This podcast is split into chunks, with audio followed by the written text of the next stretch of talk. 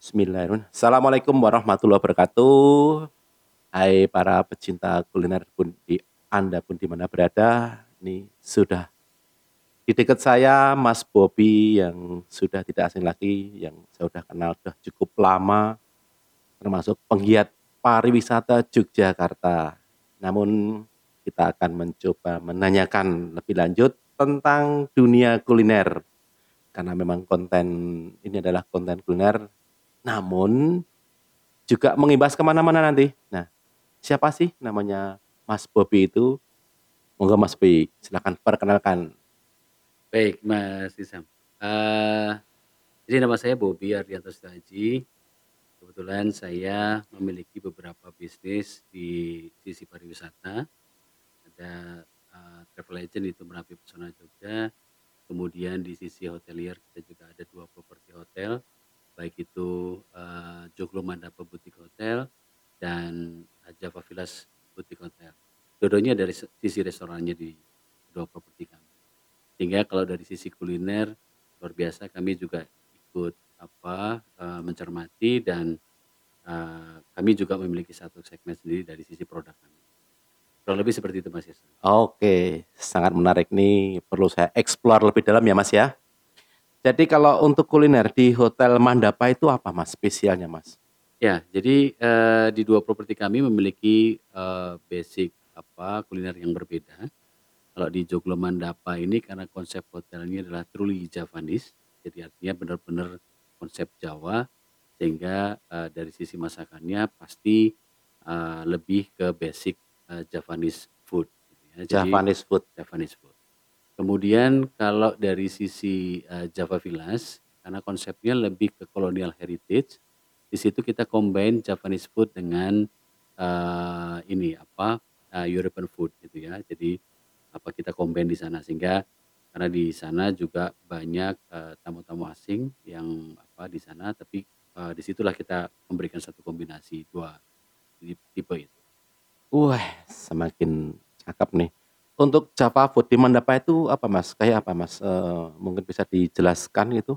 Ya, jadi seperti halnya lodeh, kemudian asem-asem gitu ya, yang itu yang benar-benar, eee, banyak tamu request dan kebetulan juga apa, menjadi satu nostalgia buat tamu gitu ya, terutama kalau sisi domestik, itu mereka, eee, request-nya cukup, banyak dengan hal semacam ini. Kemudian juga ada beberapa, eee, dari sisi ayam pun juga kita di ingkung juga kita punya, gitu ya, sehingga, eee, konsep Jawanya masih sangat kental sekali. Kemudian juga meskipun kalau wisatawan asing kadang-kadang masih juga belum begitu tahu tentang traditional food kita, tapi kita coba berikan taste yang sesuai dengan mereka meskipun itu konsepnya, eee, tradisional. Sehingga misalnya lodeh pun tidak pedas misalnya begitu, itu yang mereka bisa tetap masuk dan, eee, ternyata taste-nya juga bisa masuk ke mereka. Justru, eee, satu hal yang ingin kita, eee, perkuat adalah gastronomi kita gitu ya, bahwa gastronomi ini sebenarnya bisa menjadi identitasnya Jogja ke depan. Ini yang kita harapkan dan benar-benar, eee, di setiap penggiat pariwisata nantinya juga bisa mempelajari sampai ke sana. Eee, saya searching di internet itu, berarti ini makan sambil di dekat kolam renang ya? Iya. Oke, cantik sekali. Jadi memang, eee, saya ngelihat, eee, nuansanya sangat kental dengan Java, ada gamelan, terus kemudian juga banyak pohon-pohon yang rindang juga di luarnya itu juga sangat rindang sekali. Ya. Eee, kalau kapasitas kamar itu ada berapa, Mas, di situ, Mas? Jadi konsep Joglo Mandapa ini sebenarnya lebih, eee, apa ya, lebih ke private sehingga kita dari sisi jumlah room-nya kita batasi ada 12 room, kemudian ada meeting room-nya juga, eee, kurang lebih kapasitas maksimal di 100 dan ada sisi restoran yang space-nya cukup 30 sampai 40, eee, orang di sana. Kemudian open open space kita cukup banyak. Jadi di area poolside kemudian juga kita punya, eee, ini apa, kayak pool bar gitu ya, pool bar itu yang biasanya orang-orang kalau santai duduk sambil ngopi, sambil makan makanan tradisional di situ, jadi di bar. Jadi itu kurang lebih seperti itu kan dan di atas kita juga menggunakan joglo, yang itu merupakan simbol, eee, Javanese style kita dan kalau kita lihat juga bentuk di kita, pintu-pintunya juga pakai kopiah-kopiah kampung, sehingga semuanya kita pakai, eee, apa, eee eee, kayu bekas begitu ya, bukan baru. Jadi, eee, saya merasakan kalau dengan material kayu, apalagi kayu lama, kayu bekas, kayu-kayu lama itu membuat nuansa itu sejuk, redup, juga memang, eee, tidak membuat panas ya. Jadi karena memang, eee, menyerap panas. Jadi sangat cantik, sangat indah, dan sangat nikmat tentunya ya, sambil, eee, menikmati lodeh, ada lagi selain lodeh? Ya itu tadi seperti, eee, sayur asem, Sayur kemudian asem. ya, kemudian juga apa, kayak malungking gitu. Malungking itu kalau orang kuno pasti tahu, gitu ya. Jadi belum tentu semuanya orang tahu, Saya gitu aja ya. belum tahu itu, Nah, malungking tuh. malungking itu luar biasa, Mas. Itu yang ada nanti remploati sama sama ada kayak apa, eee, rajangan kacang panjang itu, kemudian pakai santan juga. Itu kalau orang-orang kuno biasanya tahu tuh malungking, Wah gitu. ini perlu kita angkat lagi Ya. nih, karena ternyata khasanah ataupun macam-macamnya itu banyak sekali ya. Dan seumur terus terang baru saya mendengar nih, malungking ini, ini dari remploati ya, ayam ya? Iya, ayam. Ayam ya, pakai santan, ada kacang Ya, panjang. itu menu saya dapat dari eyang saya, Mas. Ya, jadi Oh. dulu sering dimasakin sama eyang itu malungking begitu, akhirnya, eee, dan te ternyata chef kami juga punya apa, punya experience untuk bikin itu, jadi kayak jadi salah satu inilah, apa, signature di Joglo. Nih, para pecinta kuliner di mana pun Anda berada, patut Anda coba ini, malungking di Mandapa Resorts Hotelnya di daerah mana, Mas? Di Kembaran, di Dusun Kembaran, jadi di daerah Kasian, Mas. Daerah. Kasian, Bantul ya? Kasian, Bantul. Kalau reservasi bisa lewat apa, Mas? Eee, bisa melalui IG kami, bisa juga melalui apa, eee, link di reservasi kami. Jadi apa, di kami ada ada linknya di Joglo Mandapa, eee, joglomandapahotel.com. Di situ kita bisa masuk ke link reservasinya. Oke. Iya. joglomandapa.com. Silakan nanti para pecinta kuliner untuk mencicipi malungking. Ini spesial. Dengernya udah enak sekali nih. Terus kemudian kalau di deket itu, Mas, apa yang bisa dieksplor, Mas? Misalkan nih ada wisatawan tidur semalam, Ya. Mungkin sebelumnya atau setelahnya ada aktivitas yang bisa dinikmati di daerah situ? Ya, jadi, eee, karena, eee, kami tidak jauh dari Kasongan dan beberapa eee, site yang cukup menarik dari sisi pariwisata, karena sebenarnya daerah Kembaran itu daerah banyak seniman di sana. Nah, kemudian dari sisi kuliner sendiri ada 2 highlight yang apa, eee, biasanya wisatawan juga pemburu kuliner juga ke sana, itu ada bakmi Pak Pele, itu tidak jauh dari kami, kemudian juga ayam goreng Mbah Cemplung, itu juga ada di situ. Sehingga memberikan cukup apa ya, eee, kelengkapan khasanah kuliner di daerah kami. Nih, perlu dicatat ini anu, eee, para pecinta. Meskipun menjual maleng apa, eee, malungking Malungking. dengan, eee, hotelnya, tetap aja menyebutkan punya orang lain nih, bakmi Pele dan Mbah Cemplung. Ya. Jadi ternyata kita sadar bahwa seorang Mas Bobi ini menjadi seorang pengusaha yang berjiwa besar. Karena apa? Mau mempromosikan punya orang lain. Karena ya itu butuh keberanian ya. Iya. Wong kita kita menjual kok malah menyebutkan punya orang lain. Karena itu saling melengkapi, Mas. Jadi kita sudah tidak bisa lagi sekarang ber apa ya, berbisnis dengan sendiri-sendiri, tapi justru kita saling sinergi di situ untuk melengkapi sehingga semakin akan banyak menarik orang untuk masuk di kawasan kami. Artinya memang wisatawan tuh, eee, butuh variasi maupun, eee, atraksi yang lain di samping tidur di tempat Mas juga ada Ya. kuliner, bisa menikmati malam kalau itu bakminya malam ya? Bakminya malam, Malam, ya terus malam. kemudian Mbah Cemplung. Kalau itu kampung seniman itu Pak Joko Pekik ya kalau nggak salah? Ya, jadi kebetulan tidak jauh dari kami ada seniman lukis Pak Joko Pekik, kemudian juga, eee, Padepokan Seni Tari Bagong Kussudiarjo, itu juga eee, tidak jauh dari tempat kami. Dan, eee, Kasongan sendiri yang banyak, eee, di daerah Kasongan itu apa, eee, artis-artis seniman di sana. Oke. Jadi gini Mas, eee, kalau misalkan di situ terus mau ke ke Kasongan ataupun ke Pak Joko Pekik dan sebagainya itu ada pengantaran atau memang dibiarkan ditunjukkan jalan untuk Ya. wisatawan? Jadi sebenarnya di kita ada, eee, package itu cycling tour gitu ya. Cycling tour itu tamu yang mengambil paket itu nanti deng apa, dengan sepeda, dengan guide kami akan be berkeliling ke desanya sekitar kita.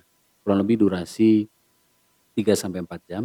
Untuk berkeliling di sana termasuk nanti melihat bagaimana proses pembuatan keramik, kemudian proses pembuatan wayang, kemudian masuk ke kuliner. Di situ juga ada satu yang menjadi highlight Mas, eee, pecel turi.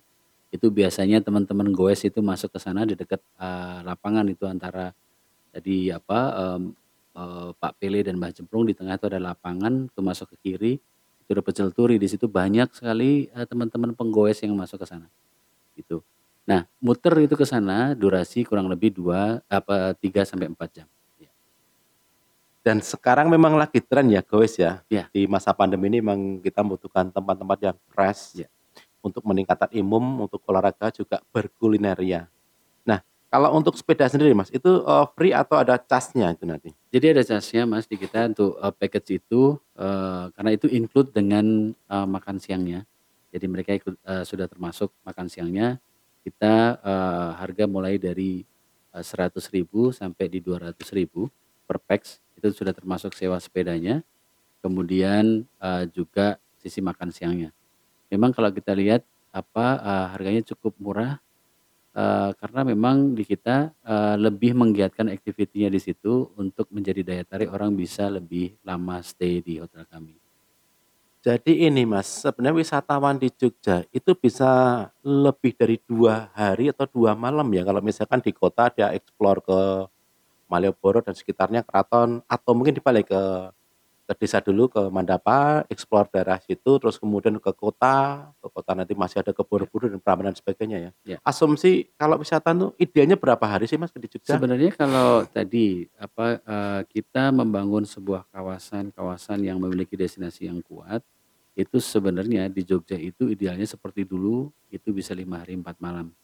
Sehingga ini yang kita harapkan. Seperti halnya kalau kita tadi, eee, bilang di area sekitar Cukul Mandapa, di situ di samping Kasongan nanti kita bisa naik sampai ke Krebet dan sampai ke Santan. Itu menjadi satu kawasan sebenarnya dan itu kita bisa nikmati selama 2 malam kegiatan itu. Karena dari Kasongan sendiri dari sisi apa, eee, pembuatan keramik dan ada wayang, kemudian naik ke Krebet itu, eee, batik kayu, kemudian kita nanti sampai teruskan ke Kampung Santan itu kampungnya, eee, Ingkung gitu ya.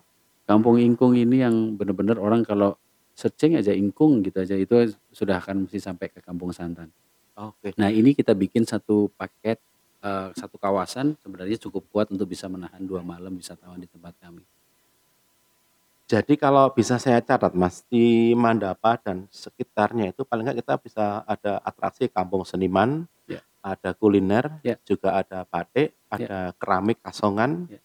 eee, alam mungkin sungai ataupun Oh ya pasti di daerah, eee, Kasongan menuju Krebet itu pemandangannya luar biasa Mas, itu rice field e apa, eee eee, rice paddy semuanya tuh di situ.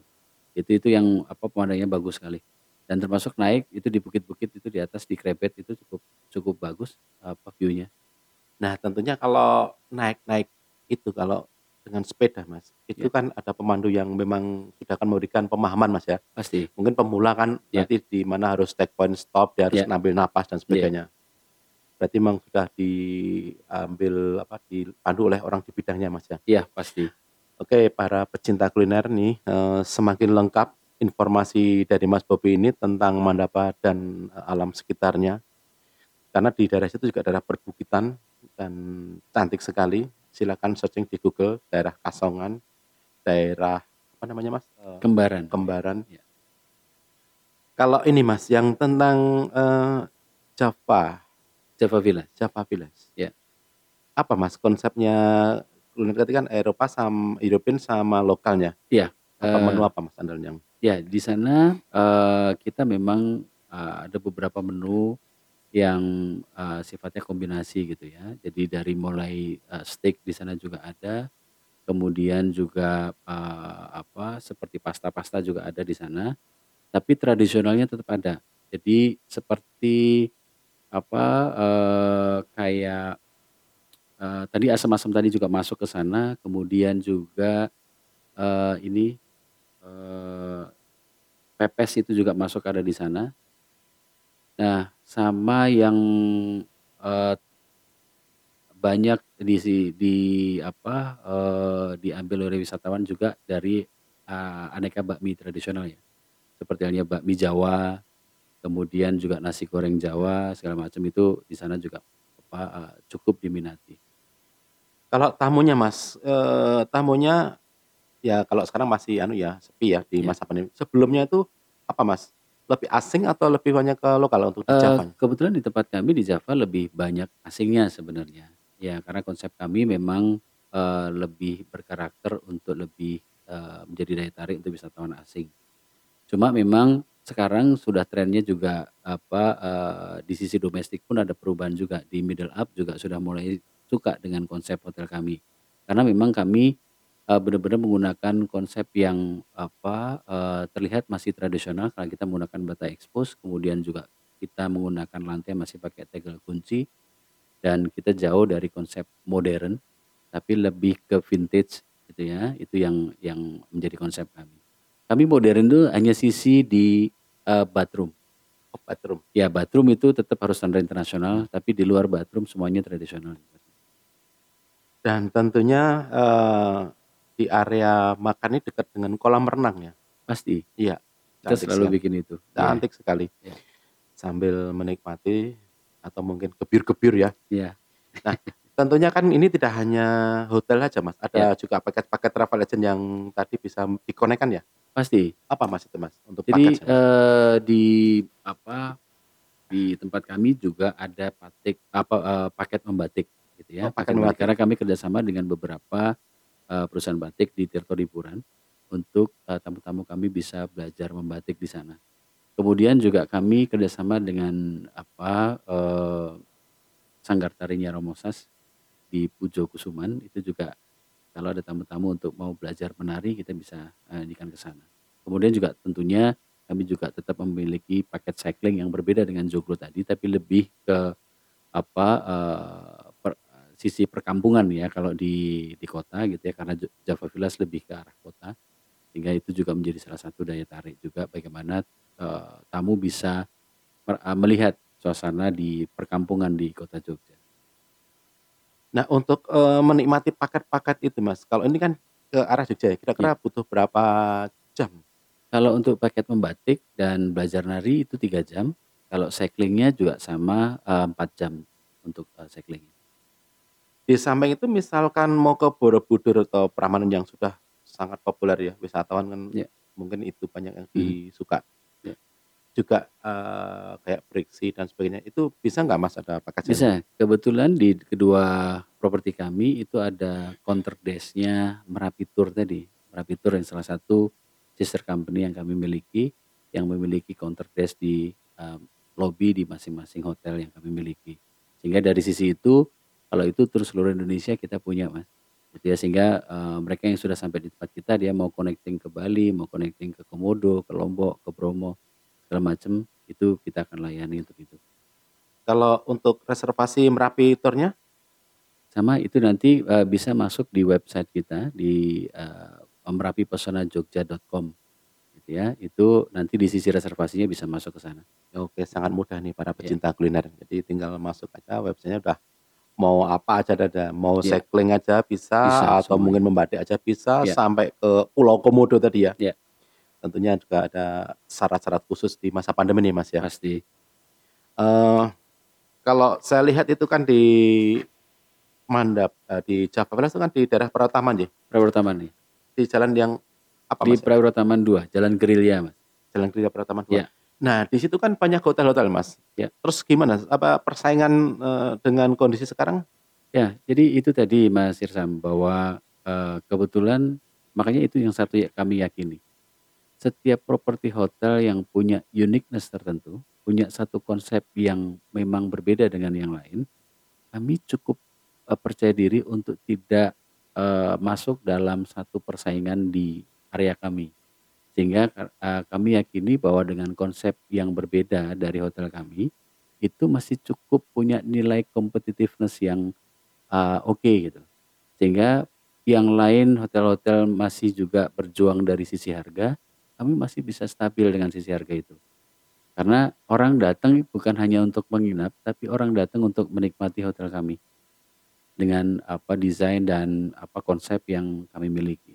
Terbukti eh, banyak artis-artis Jakarta yang menginap di tempat kami. Gitu ya. Dan mereka menginap tidak hanya satu hari, dua hari, bahkan biasanya long stay untuk bisa berileks dan menikmati di tempat kami. Wah ini ternyata banyak artis juga di situ ya Mas Bobi ya? Iya. Wah bisa dong besok aku kalau ke ada artis numpang foto aja boleh kan ya? Monggo silakan. Karena sekarang eh, orang tuh butuh konten untuk di sosial Iya. media masing-masing ya. Wah, iya. nih. Meskipun nggak cekin nih gua nih ada di Gitu ya. Iya. Itu bisa dilihat di IG kami di Java Villas eh, Java Villas Hotel. Itu eh, kita bisa lihat tuh artis-artis mana yang sudah banyak menginap di Java Villas. Itu ya. Di situ kita apa, ada tuh kita upload di situ. baik yang nasional maupun internasional. Ya. Mantap nih. Berarti kalau saya catat Mas, seorang bis pengen punya bisnis atau eh, kita bis- berbisnis, membuat usaha bisnis itu paling enggak kan harus punya konsep yang Ya. jelas ya. Pasti. Desainnya, tematiknya apa nih? Kalau Pasti. di Java kan eh, unik apa maupun eh, Jadi kalau di Java Villas itu lebih di colonial heritage. oh, colonial heritage, terus kemudian di Mandapa itu Javanya, Truly truly Javanese. Java, harga juga pasti ya. Ya. Eh, terus fasilitas yang ada tadi ada Pasti. travel aid, ada cycling dan sebagainya. Nah ini para pecinta kuliner, eh, kalau anda punya bisnis atau mau membangun bisnis, tentunya ini ada ada tips-tips nih dari Mas Bobi nih. Konsep, harga, fasilitas. Apalagi Mas kalau memang ada orang tuh mau membangun bisnis, eh, apa pun bisnisnya lah. Mungkin di sini lebih kontak ke kuliner ataupun eh, ke hotel maupun di tempat-tempat pariwisata aja Mas. Ya, eh, satu hal yang kadang-kadang tem- teman-teman melupakan itu adalah konsistensi. Karena konsistensilah itu yang membentuk kita bisa menjadi eh, jauh lebih apa ya, lebih memiliki competitiveness tadi. Karena eh, begini contohnya, pada saat saya bergerak di awal bisnis saya itu di sisi travel agent. Kami sampai eh, kurang lebih 8 tahun kami menjalankan bisnis itu, baru kami melirik bisnis yang lain. Artinya satu settle bisnis itu kita punya satu konsistensi dan komitmen sehingga kita akan melakukan diversifikasi dari dasar yang sudah kuat.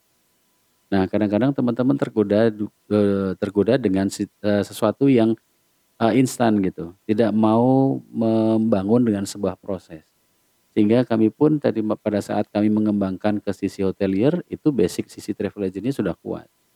Gitu ya, sehingga kita- kami bergerak ke sisi eh, hotelier. Hotelier berjalan kurang lebih empat tahun baru kami bergerak juga lagi lagi lain ke sisi properti yang lain. Sekarang kita baru masuk ke sisi bisnis properti. Baik itu sisi eh, apa kami bangun kos-kosan, juga kami bangun eh, rumah kita jual belikan itu masuk di bisnis kami yang ketiga gitu ya. Kebetulan kami juga eh, perluasan kami sedang membuat satu proyek di Bali itu untuk eh, properti hotel kami yang ketiga. Dan alhamdulillah eh, baru pondasi sudah kena Covid Mas. Jadi sementara kita hold dulu, kita akan melihat dulu perkembangan ke depan seperti apa. Gitu. Ada tambah nih, konsistensi Mas. Berarti Ya. konsisten yang di mana adalah bagaimana pelayanan, bagaimana citra rasa dan sebagainya kan yang dimaksud itu. Artinya begini, dalam sebuah kita membangun sebuah bisnis tentunya kita punya satu goal. Bagaimana kita bisa mencapai goal itu dan kita breakdown dalam sebuah timeline gitu. Jadi dulu saya eh, membangun sisi travel agent ini pun juga sama. Saya goalnya akan eh, bisa masuk ke eh, apa market Eropa, kemudian juga kami juga bisa masuk ke sisi cruise ship misalnya. Itu itu menjadi tujuan kami sehingga proses menuju ke sana yang kita bangun dan kita breakdown menjadi eh, program kerja kita gitu ya. Sehingga di 8 tahun eh, itu menjadi satu hal yang eh, luar biasa, perjalanan yang eh, kita lewati dan kita mulai dari eh, nol sama sekali kita tidak ada modal apa pun mas dan 8 tahun kita bangun untuk kita menjadi sesuatu. Itulah konsistensi. Dan ini ada lagi Mas, karena eh, membangun travel tadi 8 tahun. 8 Artinya kalau bisa catat ini adalah fokus Mas ya. Iya. Memang untuk mengawali bisnis itu fokus Mas ya. Jadi ini fokus 8 tahun ini enggak bukan angka yang sedikit ya. 8 Iya. tahun me- apa, menyelami, mendalami fokus di Merapi, eee, tour terus kemudian baru ke Hotelir, Mas, ya? Iya. Nah, berarti ada tambahan lagi ya, fokus, Mas, ya? Iya. Nah, kalau jaringan, Mas, kira-kira perlu nggak, Mas? Kita tuh perlu banyak temen untuk bagaimana edukasi dari teman dan sebagainya itu jaringan tuh perlu nggak, Mas? Networking itu sangat-sangat perlu sekali, Mas, gitu ya. Artinya, eee, itulah yang merup membikin satu akselerasi dalam perkembangan, eee, bisnis kita. Tanpa networking yang bagus saya pikir juga tidak ak kita tidak akan bisa dapat akselerasi yang, eee, lumayan bagus juga. Sehingga makanya fungsi networking itu yang memang harus kita, eee, buat seluas mungkin dan sekuat mungkin. Karena kembali lagi mempertahankan networking itu tidak mudah, gitu ya. Jadi maintain networking itu dan memperluas networking saya pikir itu menjadi satu keharusan buat eee, bisnis apa pun yang kita miliki. Nah, ini, Mas, sekarang kan sudah zamannya kan digital ya, tentunya kan waktu 8 tahun belum model sosial media, Mas, ya. Waktu itu kan Pasti. networking harus silaturahim ke sana, Iya. datang ke sana, kita punya apa, produk menawarkan dan sebagainya. Nah, dengan digitalisasi ini bagaimana? Mempermudahkan atau justru malah melemahkan, Mas? Dengan promosi lewat digital, Mas? Digital di digitalize itu, eee, memiliki beberapa sudut pandang yang berbeda. Bagi kami, kalau kita melihat dari sisi positif tentunya ini menjadi satu, eee, hal yang meringankan gitu ya cara berbisnis kita sebenarnya. Dan cukup memberikan satu eee, efisiensi yang luar biasa. Digitalize itu memberikan satu efisien yang luar biasa buat bisnis kita. Meskipun ada sedikit cara pandang teman-teman yang lain yang, eee, menganggap bahwa digitalize itu merusak bisnis mereka, itu cara konvensional.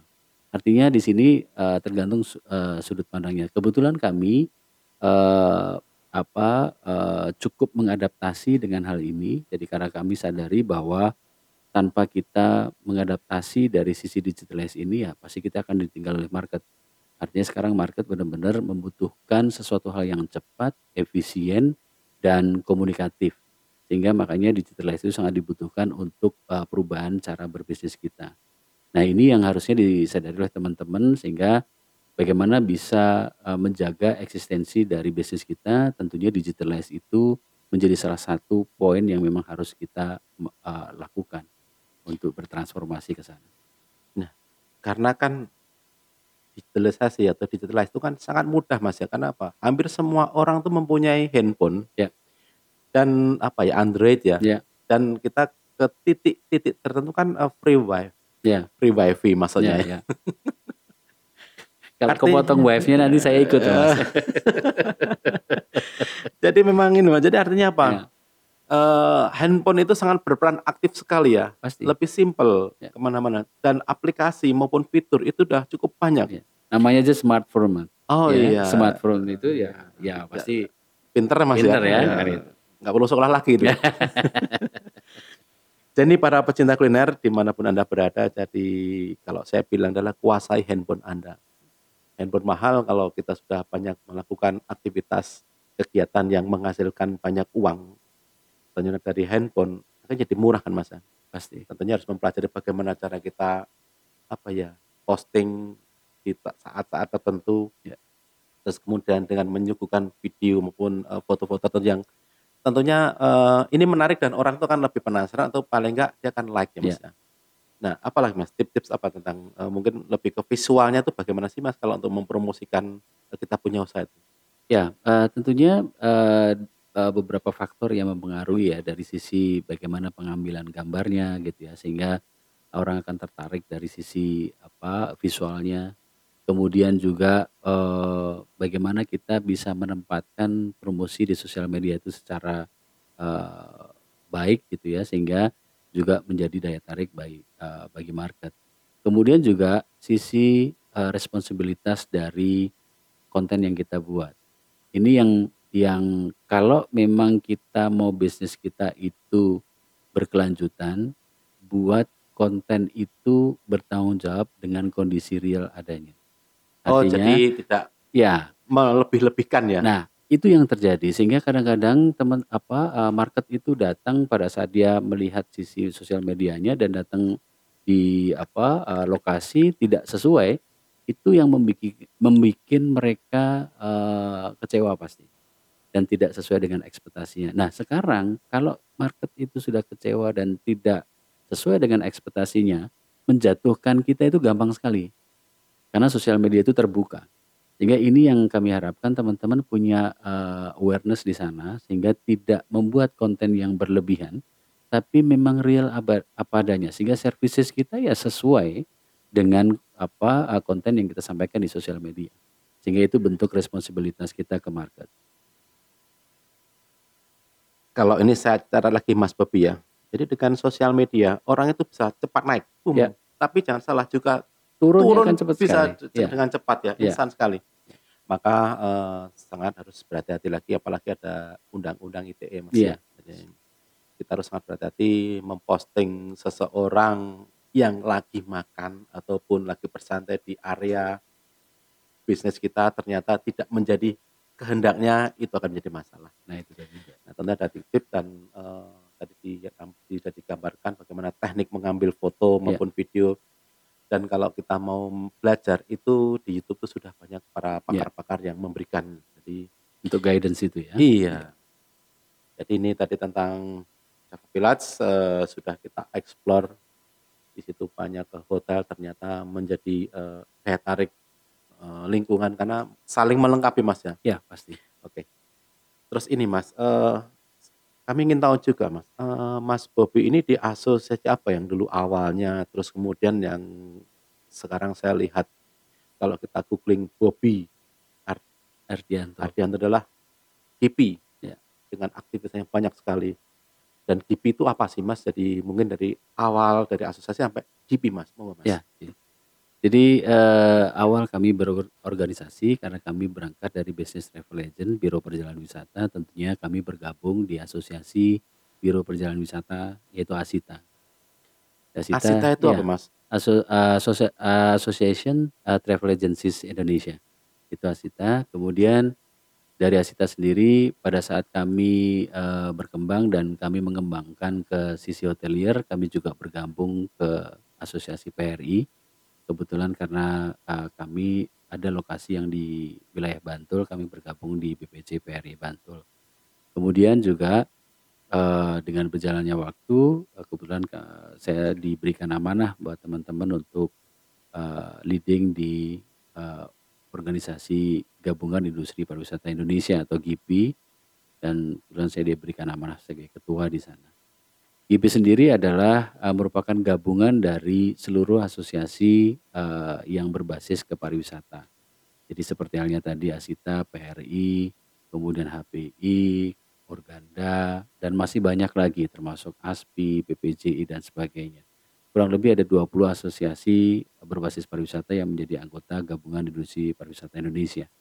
Ini yang yang apa sedang kami persiapkan untuk bisa menjadi supporting perkembangan pariwisata di Jogja dan bisa bersinergi dengan pemerintah daerah istimewa Yogyakarta.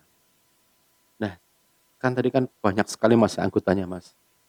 Terus itu gimana sih Mas role-nya di asosiasi itu apakah eh, ada proyek terus kemudian bisa langsung tunjuk atau mungkin ya biar lebih tahu lah ini para pecinta kuliner ini Mas eh, apa sih tentang gambaran GIPI tadi Mas? Karena kan Iya. ada kan ada landasan undang-undangnya dan sebagainya Mas. Pasti. Ya smart question mas. Jadi uh, GIPI ini uh, berdasarkan Undang-Undang Nomor 10 tahun 2009. Ya itu uh, kami ada atas amanah undang-undang. Jadi di undang-undang itu keluar dua, uh, satu uh, Gabungan Industri Pariwisata Indonesia dan kedua Badan Promosi Pariwisata Indonesia. Jadi dua amanah ini yang setiap daerah sebenarnya harus membuat, harus mendirikan itu. Nah, kemudian juga eh, bagaimana perkembangan pengelolaan GIPI ke depan, bagaimana eh, dengan anggota sebanyak itu, kemudian bagaimana sisi pengelolaannya, bagaimana mengorganize mereka semuanya. Tentunya GIPI mempunyai satu dasar ADRT yang menjadi satu dasar eh, berjalannya organisasi ini. Kemudian kami punya satu komitmen bersama bahwa apa pun yang tadi kalau Mas Irsam istilahkan itu project gitu ya, ataupun pekerjaan yang harus dilakukan oleh GIPI, dasarnya adalah kesesuaian dengan tupoksinya. Kami akan menyesuaikan dengan tupoksi dari masing-masing asosiasi itu. Karena GIPI sendiri ini kan fungsinya koordinasi, Mas, Koordinasi ya. bukan fungsi teknis. Sehingga pada saat kami mendapatkan pekerjaan sinergitas dengan pemerintah, yang mengerjakan pasti anggota kami asosiasi teknis. Kami hanya pada level koordinasi. Kembali lagi, GIPI tidak akan mengerjakan level teknis, tapi teknis akan dikerjakan oleh asosiasi anggotanya. Sehingga misalnya pemerintah ini ada satu proyek pendampingan tentang homestay misalnya. Kami pasti akan berkoordinasi dengan uh, PRI sebagai asosiasi yang memiliki core di uh, hotel dan akomodasi tentunya. Kemudian juga sama misalnya, oh ya kita uh, waktu lalu ada satu uh, proyek yang dipercayakan GIP, apa uh, BI ke GIPI untuk launching cruise misalnya, itu bentuknya event. Tentunya kami berkoordinasi dengan anggota kami Evendo dan untuk activity-nya kami berkoordinasi dengan anggota kami AILI. Nah, semuanya kami pasti sesuaikan dengan tupoksinya. Mudah-mudahan ini akan menjadi satu contoh buat organisasi di mana pun dan GIPI-GIPI yang lain sehingga dengan konsistensi inilah kita bisa menjaga kerukunan bersama, Mas. Dan mudah-mudahan bisa menjadi supporting bersama buat pariwisata Jogja. Nah, gimana Kak, semakin lengkap Jogja ya. Jogja itu memang eh, Jogja ngangeni, Ya, banyak aktivitas masyarakat, banyak wadah-wadah yang Mhm. menaunginya dan eh, bergerak bersama Mas ya. Ya. Nah, lengkap lagi ditambah GIPI nih sebagai insya Allah apa ya, pemersatu Iya. maupun wadah bersama Iya. untuk menggiatkan pariwisata Yogyakarta. Nah, saya dengar-dengar nih Mas eh, Bob ini akan mengeluarkan lagu. Iya, lagu yang tentang apa Mas Mas yang akan disoundingkan ini baru on baru proses produksi katanya. Ya, tentunya itu tadi. Saya sebenarnya prihatin pada saat uh, kita itu gudangnya seniman di Jogja. Tapi lagu mengenai Jogja sendiri itu kan masih relatif sedikit sekali. Gitu ya. Yang yang melegenda itu kan lagunya Club Project itu ya Jogja. Nah, ini yang coba kami dorong kebetulan teman-teman uh, di milenial di anggota kami punya satu talenta untuk membuat itu gitu ya. Dan uh, lagu ini tentunya uh, bagaimana bisa mempresentasikan uh, destinasi wisata ataupun uh, Yogyakarta itu sendiri. Ini yang kita harapkan bisa memberikan satu dorongan buat semua teman-teman untuk bisa membuat hal yang sama. Hingga ini yang kita harapkan uh, seniman-seniman kita bisa berkarya buat Jogja. Dan saya apresiasi sekali uh, teman-teman muda kita itu bisa membuat apa uh, lagu untuk Yogyakarta. Ya, ini me- akhirnya membleber nih kalau saya bilang bleber sampai ke wisata, sampai ke lagu-lagu, ke seniman. Eh, ini Mas, mungkin setelah lagu nanti kita eh, apa dikeluarkan oleh Kipi ya, Ya. itu kira-kira kepikir nggak untuk dibuat semacam kayak biar eh, teman-teman lain ini kan saya dengar kan ini para musisi muda ya masih Ya. SMA ada kuliah Ya. untuk mereka juga apa ya diperlombakan atau dibuat lomba atau dibuat ini em, membuat lagu tentang Yogyakarta ini ada kepikir program itu nggak Kipi Mas? Pasti itu menjadi salah satu uh, apa uh, hal yang kita pikirkan buat ke depan sehingga bisa menjadi satu daya tarik teman-teman muda untuk bisa berkarya buat Jogja. Tentunya nanti kita akan uh, buat itu apa uh, seperti competition gitu ya untuk membuat lagu-lagu tentang Jogja. Dan saya yakin teman-teman stakeholder yang lain pasti akan mendukung karena ini kembali lagi untuk memperkaya uh, pa- pariwisata Jogja. Iya itu bagi para pecinta kuliner ataupun bagi anda musisi seniman muda ya, Ya. karena kan eh, saya lihat Gipi ini banyak merangkul anak-anak kuliah maupun anak SMA Ya. karena kan mereka dengan digitalis yang sangat eh, erat, sangat Ya. kuat. Ini tambah eh, tambah me- me- apa ya namanya meningkatkan ketenaran Jogja ini yang Ya, yang dan itu aset kita, Mas. Aset Di kita. usia-usia segitu itu kan aset kita itu ya untuk penerus kita ke depan. Baiklah, eh, Mas Bobi, eh, terima kasih sekali atas kehadiran di tempat kami ini. Memang eh, siang hari ini udah lumayan ada 39 menit, Mas. Jadi Ya, semoga Mas ini para pecinta kuliner juga mendengarkan dari awal sampai akhir karena banyak hal-hal penting yang bisa kita eh, simpulkan bagaimana cara berbisnis, bagaimana cara digitalisasi, bagaimana kita mengembangkan maupun, eee, me-manage sebuah asosiasi yang tentunya tidak mudah ya, Kipi, dengan sekian banyak anggota. Heterogen, Mas. Heterogen. Ya. Ada pesan lagi Mas Bobi tentang pa untuk pariwisata ataupun di masa pandemi ini? Ya, eee, tentunya buat teman-teman semuanya, jangan kenal lelah dalam menghadapi kesulitan bersama ini, tapi yakinlah bahwa masa pandemi ini adalah masa di mana kita di-restart semuanya untuk kita jauh bisa berpikir lebih smart, jauh lebih bisa menyatu, nyawiji semuanya untuk kebersamaan kita bersama dan berjuang buat pariwisata Jogja. Oke, begitu para pecinta kuliner, eee, sudah cukup. Terima kasih atas, eee, Mas Bobi, juga teman-teman juga, eee, berkenan mendengarkan dari apa yang kami sampaikan pada, eee, channel ini, yaitu podcast di Samdeluweh, luweh Mas, tapi tentang kuliner. Oke, terima kasih. Assalamualaikum warahmatullahi wabarakatuh. Waalaikumsalam.